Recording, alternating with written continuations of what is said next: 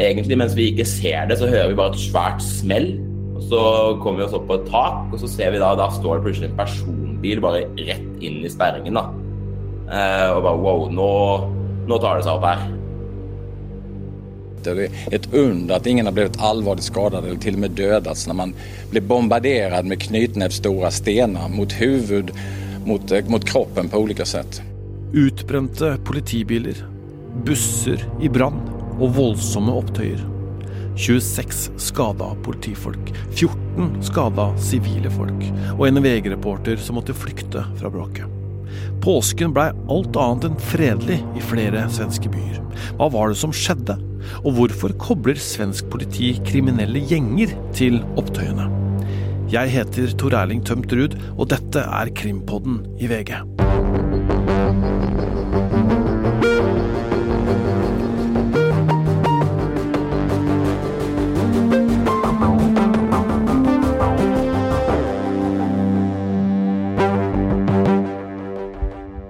En mann som ofte blir sett med en grålig sixpence på hodet, er på det man kanskje kan kalle en slags turné i nabolandet vårt, Sverige.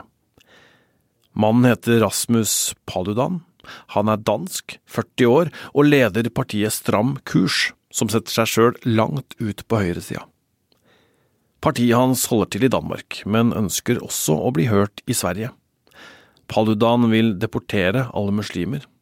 Han setter fyr på Koranen, muslimenes hellige bok. Det er eh, skjærtorsdag, og den første Koranen blir brent i byen Jönköping. Så er planen å holde et valgmøte i byen Linköping, men sånn går det ikke. For i nabolaget der, Skjeggtorp, så bryter det ut voldsomme opptøyer igjen. Der sliter de med høy arbeidsledighet, og svensk politi kaller dette et særlig utsatt område. Maskerte personer går til angrep på politiet. De setter en sivil politibil i brann, knuser ruter og klatrer opp på takene av flere politibiler.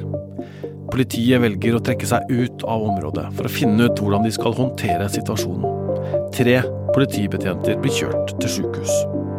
På videoer på TikTok så ser man en person som går rundt i politivest og gassmaske, som man antageligvis har stjålet av politiet. Etter hvert så sprer opptøyene seg til Norrköping, som er neste sted på Paludans koranbrenningsturné. Det skal være flere hundre maskerte personer på stedet, og det blir kasta stein mot redningstjenesten. Et titalls biler blir satt i brann.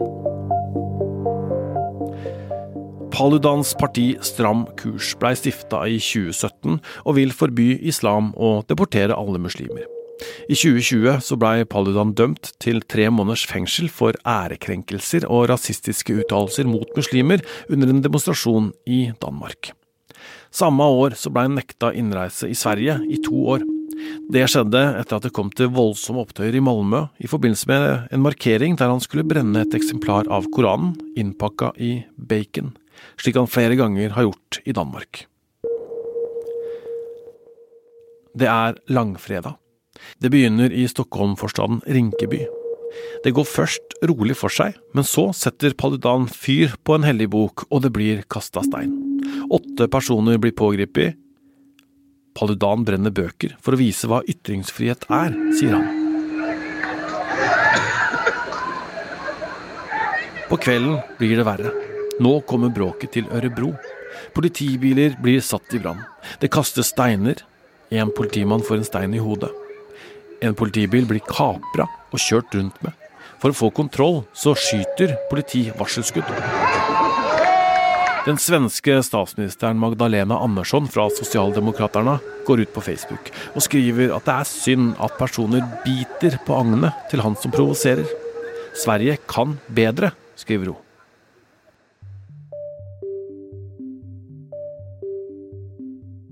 Samtidig er det påskestemning i Norge. Med knallblå himmel, sola smelter snøen i fjellet, og det er fri for de fleste av oss. Men ikke for krimjournalist i VG Ådne Husby Sandnes. Nei, jeg brukte påsken min på å jobbe i VG. Kveldsvakter, som, eh, som kan være veldig veldig gøy og av og til veldig veldig kjedelig. og Det kommer litt an på om det er mye som eh, skjer. for oss journalister. Først var det jo mye forferdelig krig i Ukraina. Men så begynte det virkelig å skje ting i Sverige. Da denne Rasmus eh, Paludan eh, gjorde sitt inntog, og eh, reaksjonene ble jo enorme. Vi satt jo på desken i VG og begynte å skjønne at oi, dette her er voldsomme greier. Og man begynte å tenke sånn har man aldri sett omfanget av i Norge før, i hvert fall. At det var, man så rett og slett personer som gikk til angrep på politiet eh, i forbindelse med eh, disse, disse tenkte eh, koranbrenningene. Det var jo ikke slik at han, han, kom seg jo ikke til flere av disse stedene, han Paludan, men likevel så Selv om det ikke ble noe koranbrenning, så ble det jo da voldsomme opptøyer og ja, som rettet seg rett og slett mot både brannvesen og politi og, og annen befolkning. Det ble ja, rett og slett at politibusser sto i brann, sivile politibiler sto i brann. altså begynte å komme sitater om at politiet var uh, redde. ikke sant? At man hadde ja, nærmest uh, Det var marerittscener som de politifolket beskrev selv. og Debatten begynte å gå i Sverige både på hva som er rett og galt. Burde han, burde han ha fått lov til å tale brenne? hva er riktig, og også på hva politiet er dårlig forberedt. Det var på en måte kommentarer på at det var flaut av politiet osv. På desken så skjønner de at de må dra sjøl. Dette må VG dokumentere med egne øyne. Ådne og fotograf Naina Noma setter seg i bilen. Nei, Da kjørte vi jo mot uh, Malmö, hvor han uh, Paludan skulle ha en uh, markering etter planen i et sted som het Landskrona, som var en liten kommune som ligger utenfor Malmö det er egentlig et veldig veldig stille og fredelig område med kjempeflott sånn eh, land, eh, jordbrukslandskap. Og det ser litt sånn Postman Pat ut eh, i området der, egentlig. Og så er det liksom ett nabolag da, som er såkalt særskilt utsatt, som det heter på svensk. Og det er da politiet markerer et område som at her, her har vi store problemer. Eh, her er det store sosiale problemer, sosial nød, eh, fattigdom. Og da kan være parallelle samfunnsstrukturer, altså parallellsamfunn. Eh, det kan være høy konsentrasjon av kriminalitet. Mange ingredienser man ikke ønsker da. Og Det er jo litt disse områdene han Paludan har, har, har, søkt. På vei dit så skulle reise vi innom da dette landskrona. Da var jo allerede markeringen hans flyttet til en sånn rasteplass langs E6 ved Øresundsbroen. Men igjen, da, så likevel, selv om ikke det ble noe koranbrenning i dette nabolaget, så ble det jo fulle opptøyer. Så når vi kom dit, så sto liksom veien i det nabolaget i brann. Altså det var på en måte Ja, det bare brant fra sånne ulike ting som de hadde lagt, tatt fyr på i veien. Eh, det sto masse maskerte menn og på en måte fyrte opp stemningen. Eh, biler ble påtent. Eh, det var en veldig, veldig rar stemning der, samtidig som at det på en måte gikk barnefamilier rundt der. og ja, Veldig spesielt. Og Vi snakket med flere mennesker der og spurte hva de syntes om dette her. da. Og Det virket på en måte som at den, den problemstillingen med at Koranen blir brent, overskygget på en måte alt. da.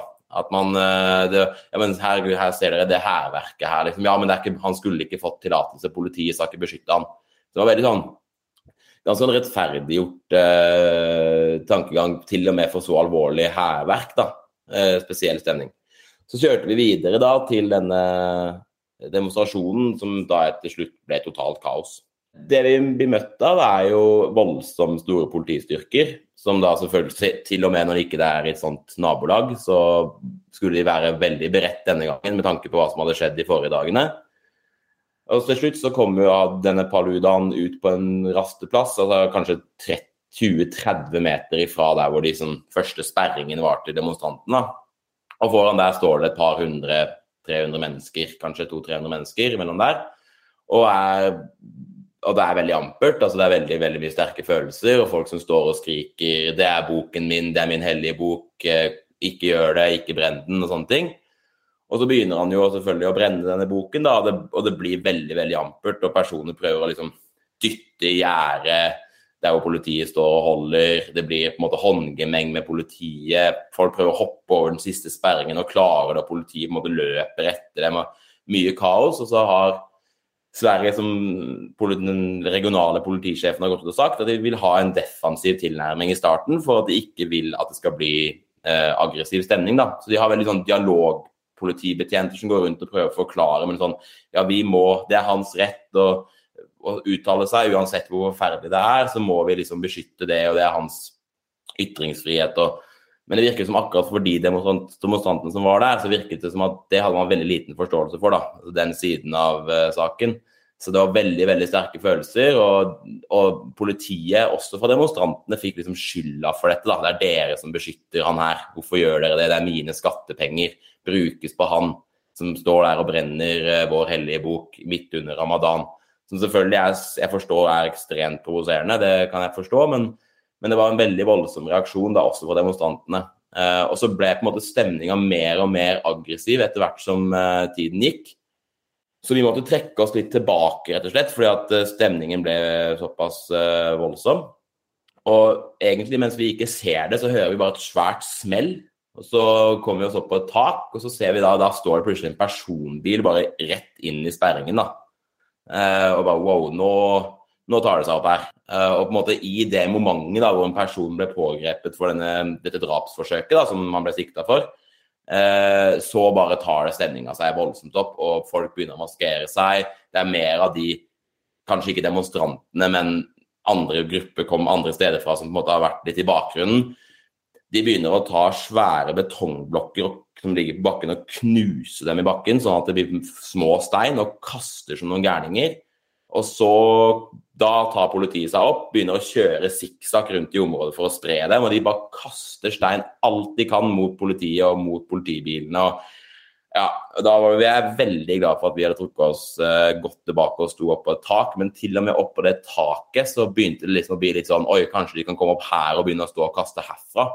Så da var jeg veldig glad for at vi hadde hjelm, og da etter liksom uh, Ja, etter eh, veldig kort tid så fikk vi trukket eh, truk oss ut av området. Og når vi trekker oss ut, så så vi på bildene etterpå at det hadde vært totalt kaos. da. Det var jo en journalist som var blitt skada, en sivil person som var blitt skada. Vi så jo også noen av disse maskerte personene blødde fra hodet. altså Det var veldig sånn Ja, det var ganske ekstremt. Så jeg er veldig, veldig glad for at vi trakk oss ut da vi gjorde det, for det kunne gått uh, galt med oss også. Når dere forbereder dere til, til det, hva, hva er det dere tar på dere? Nei, vi har jo i VG heldigvis rutiner for sånt. Så vi har på oss hjelm, eh, og vi har på oss visir. Eh, og vi har på oss en vest som det står VG presse, og, og liksom sånn at vi er, er tydelige på det. Eh, men det ble såpass kaotisk der at jeg var veldig glad for at vi trakk oss ut når vi gjorde det. Fordi at man kan jo aldri helt vite med disse personene her at hvis de på en måte har en sånn aggresjon mot politiet da, og, og brannvesen og så kan det fort presse oss til å være en del av aggresjonen. da. Så jeg var veldig glad for at jeg ikke sto nede på det demonstrasjonsområdet der når det eh, virkelig smalt. da. Eh, for da tror jeg ja, det kunne gått med oss som det gjorde med denne danske journalisten. da.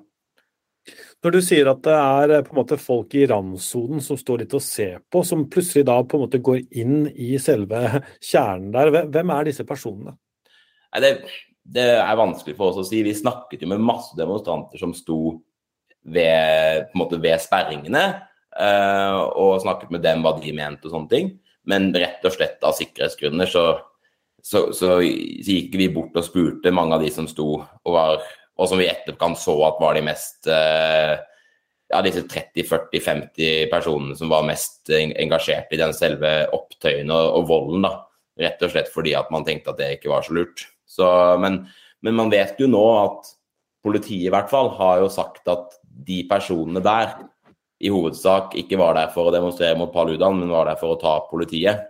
Eh, og at de har knyttet det til kriminelle gjenger. Underveis så har Ådne kontakt med Rasmus Paludan på telefon, og jeg spør Ådne hvordan var det? Det er jo For å starte egentlig et annet sted, så er det sånn en dialogpolitibetjent sa liksom til en nå får han det akkurat som han vil. Nå får han det akkurat som han vil, sa, han til, sa de til mange av de som på en måte var de mest mest aggressive på stedet av de demonstrantene. Og det er jo riktig, ikke sant. Han er Jeg har valgt å kalle han en høyreradikal provokatør i, eh, i, mine saker. og jeg har fått kritikk fra det selvfølgelig, både kommentarfelt og, innlegg og andre. Men jeg mener, jeg mener det er ganske riktig begrep, fordi at han eh, er, står jo langt ute, langt ute på høyresiden. Mener jo at man skal deportere alle muslimer og stoppe all eh, innvandring fra ikke-vestlige land. Har uttalt seg ganske uttaler seg veldig sånn populistisk og høyreaktig om andre folkegrupper, og så er det da muslimer.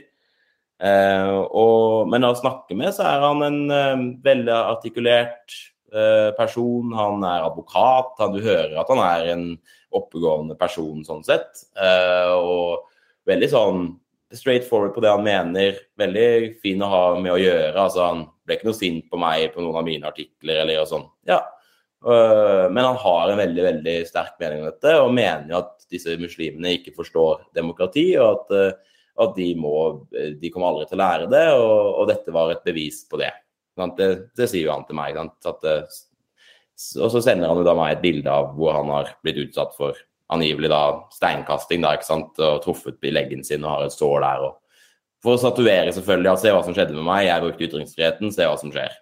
Det er jo ikke så ofte vi kan se sånne eh, opptøyer i, i Norge. Eh, men i Sverige så har det vært eh, eh mye av det, og i hvert fall også noen steder som er på en måte verre enn andre. Hvordan er det å være eh, presse i de områdene?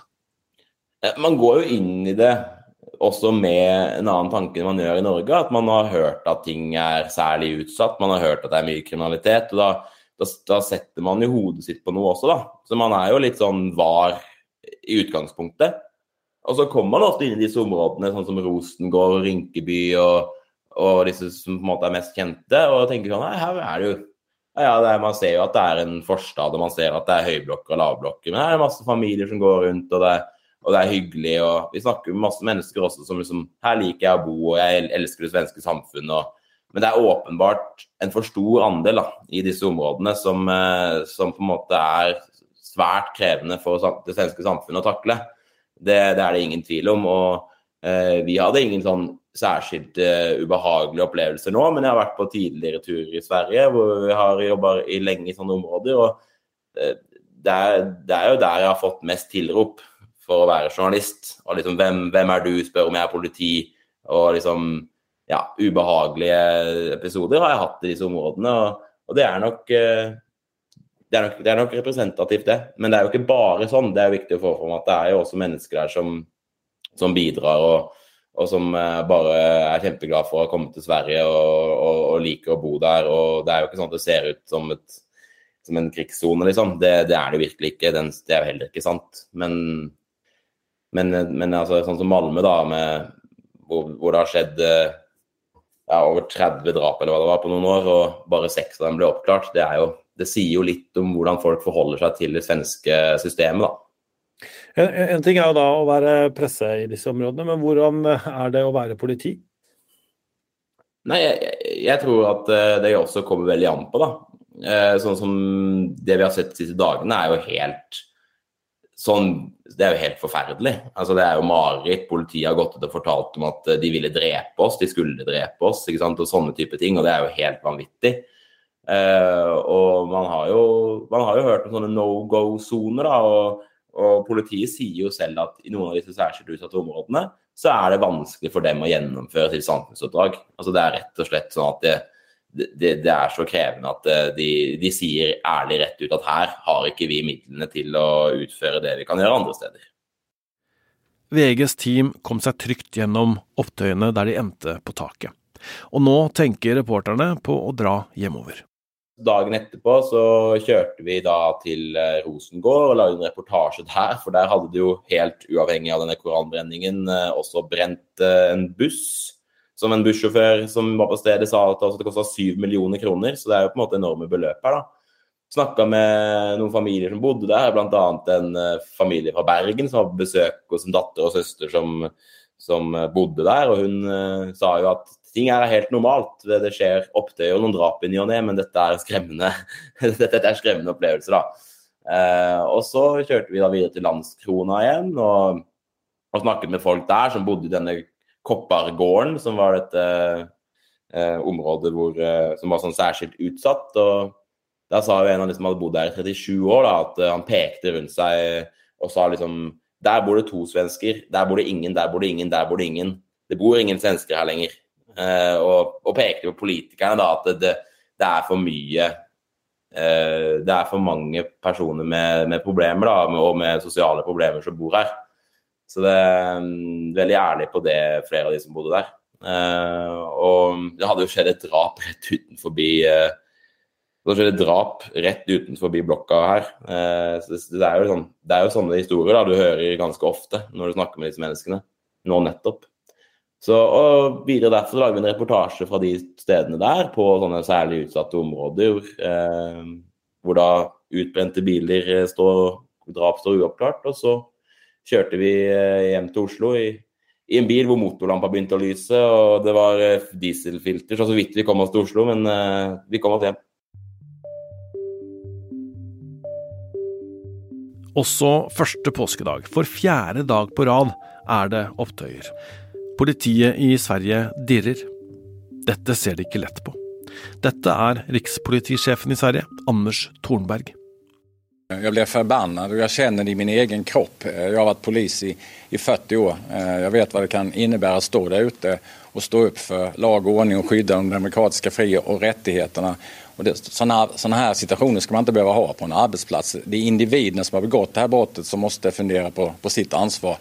Jag är ytterst ansvarig för svensk polis. Jag funderar också på hur vi kan göra det ytterligare säkrare ute på fältet. Jag har en dialog med arbetstagarorganisationerna, med skyddsombuden, med medarbetarna, hur, de har upplevt det. Men det är inte riskfritt att vara polis. Men det, det, är fruktansvärt att man ska behöva ha en sån här arbetsmiljö. Det är många av mina kollegor som inte visste om de skulle komma hem på kvällen eller inte. Det är ett under att ingen har blivit allvarligt skadad eller till och med dödats när man blir bombarderad med knytnäbbstora stenar mot huvud, mot, eh, mot kroppen på olika sätt. Vi, vi kommer att eh, analysera vad som har hänt och vi kommer se till att vi kommer lagföra de här individerna som har gått de här brotten. De ska sitta inne länge og politiet jobber nå med å kartlegge om det er organiserte kriminelle gjenger som står bak de voldelige aksjonene. Vi har sterke mistanker om at det finnes individer blant de her som er med de her gjengen, som, som tilslutter de her gjengen, som har tatt sin sjanse til å gi seg på polisen. De vil ikke ha polis nærværende i de her områdene. Det handler ikke bare om denne demonstrasjonen. Det handler om at vi stør deres narkotikahandel. Det handler om at vi stør deres eh. Det handler om at polisen er på hele tiden og forsøker gjøre samfunnet trygt og sikkert, så at vanlige mennesker kan leve i sitt område. Det handler om å trygge et, et område, ikke la de kriminelle eie de her områdene. og Det har vi vært framgangsrike med på den seneste tiden. De kobler altså opptøyene til kriminelle gjenger. Politiets teori er at de bruker Paludans brenning av Koranen som en unnskyldning for å gå løs på politiet. Nå ber politiet folk om å laste opp videoene de har tatt av opptøyene, og dele dem med politiet. Det sier Jonas Hysing, som er en av svensk politis nasjonale sjefer. Vi har et gediget utredningsmaterial, mycket i form av bilder og filmer fra våre egne kameraer. Og vi oppfordrer også allmänheten, om man har bild og film eller ljudupptagningar, att ladda opp det på vår hemsida på et formulär som finnes der, så kan man hjelpe til i utredningsarbeidet. Utifrån det så kommer vi att försöka identifiera de gärningsmännen eh, som var på plass og genomförde de her handlingarna og sen skal de så småningom lagføres. Men kan demonstrantene også fått ordre fra utlandet?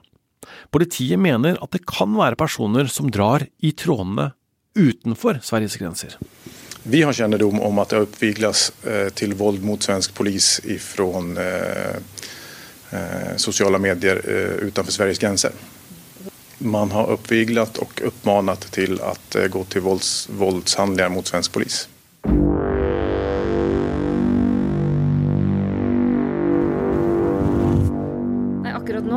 Kan du ikke tenke annet at eh, det er eh, krig i våre naboområder. Og så opplever vi en påske i Sverige som eh, erfarne politifolk omtaler som krigslignende tilstander. Og det sier jo ganske mye om hvor store problemer Sverige har når man rett og slett har mista kontroll over viktige områder. Og man ser at politi, ambulansepersonell, andre rett og slett blir angrepet og er målet.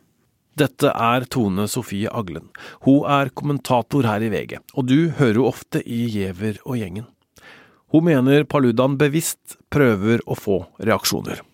Ja, det er jo derfor han gjør det òg. Han er jo veldig kritisk til eh, islam og ikke-vestlig innvandring, for å si det forsiktig. Og hele hans uh, mål er jo å få, få, disse reaksjonene som gjør at sikkert mange andre blir eh, kritiske også. Eh, han oppnår jo akkurat det han ønsker seg, så, og de biter på. Så samtidig så er det jo helt åpenbart uh, i Sverige nå at han har jo, han har jo tent en gnist.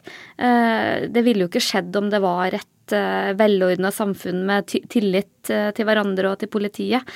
Så vi ser jo også at det spredde seg til områder hvor han ikke var, og politiet sier jo sjøl rett ut at det var politiet som var målet, og ikke nødvendigvis han.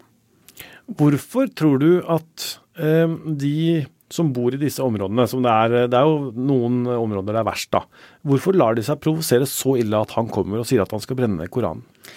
Nei, Det er jo selvfølgelig noe religiøst her, som vi kjenner fra flere av disse ytringsfrihetsdebattene hvor man blir kraftig provosert Eh, av koranbrenning, som nok er vanskelig å forstå for oss eh, ganske sekulære eh, nordmenn. Men eh, jeg tror nok det henger sammen med at det er også områder hvor det er eh, Man føler seg litt sånn utenfor i samfunnet. Det er eh, høy arbeidsledighet, mer sosial nød eh, veldig mange innvandrere som bor og kanskje litt sånn forlatt. Og så det som er det virkelig store problemet for Sverige, er jo at det i stor grad er overtatt av kriminelle nettverk, kriminelle bander som står utafor skolegården og eh, rekrutterer ungdom. Eh, som kanskje er litt fortvila, faller litt utafor. Så det er, jo, det, det er jo kyniske folk som misbruker også denne sosiale nøden. Er det da også kriminelle som utnytter det, at man kanskje ikke har hatt store muligheter i disse områdene, er det de samme som, som demonstrerer?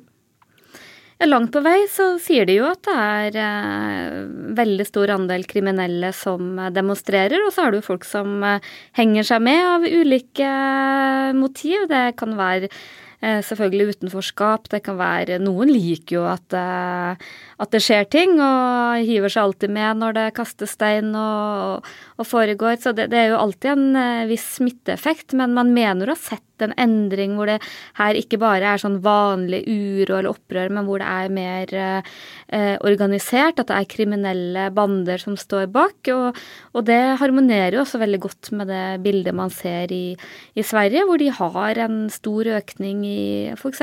skyteepisoder, eh, drap som ikke blir oppklart, som skiller seg veldig ut fra ikke bare fra Skandinavia, men også fra Europa, som viser at man har ganske grunnleggende store problemer. Hvorfor skjer dette i Sverige, og ikke i like stor grad i Finland, i Danmark eller her i Norge?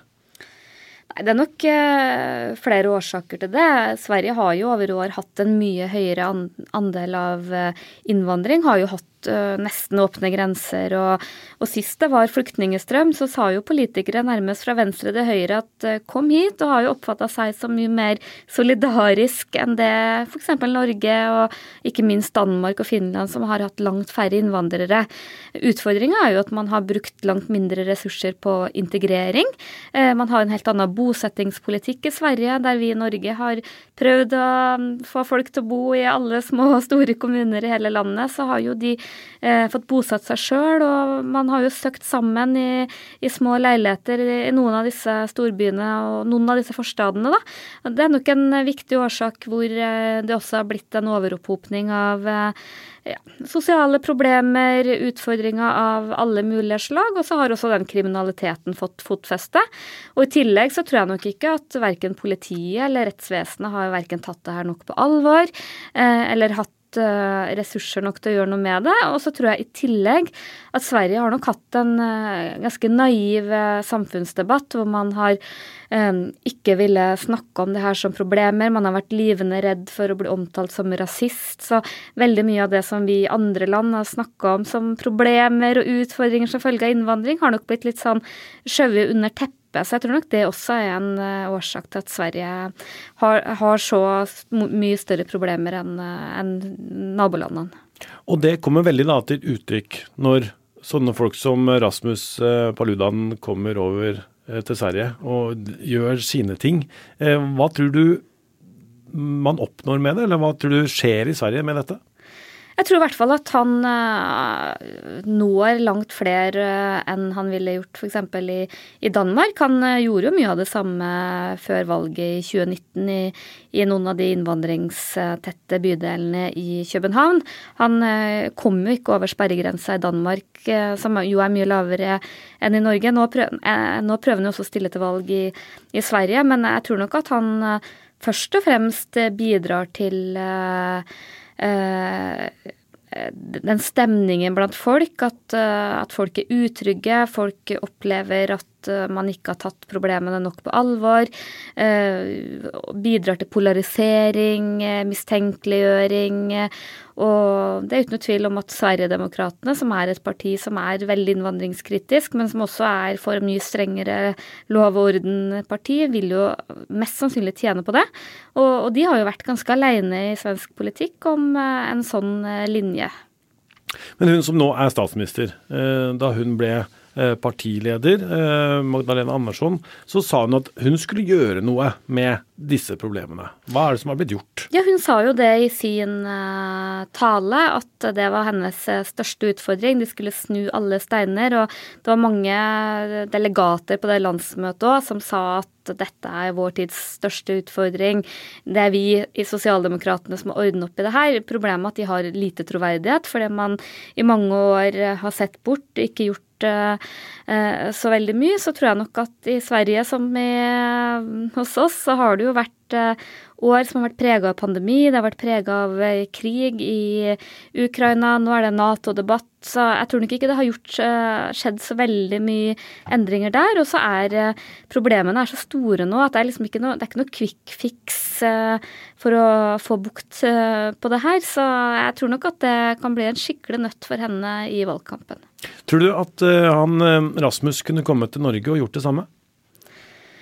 Jeg tror jo ikke det. Det foregår jo koranbrenning med jevne mellomrom i Oslo. Sian f.eks. gjør jo det, og det er nok kanskje bitte lite grann støy og uro, men eh, jeg, jeg, tror ikke vi har så store Eh, problemområder.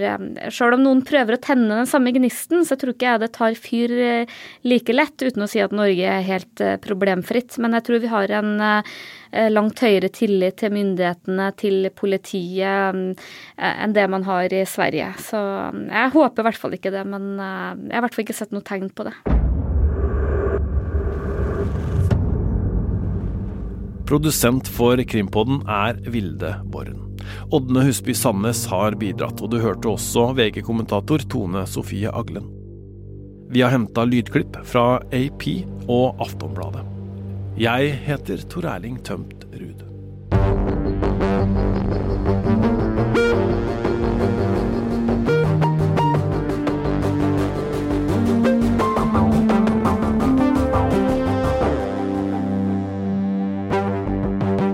Har hørt en podkast fra VG. Ansvarlig redaktør, Gard Steiro.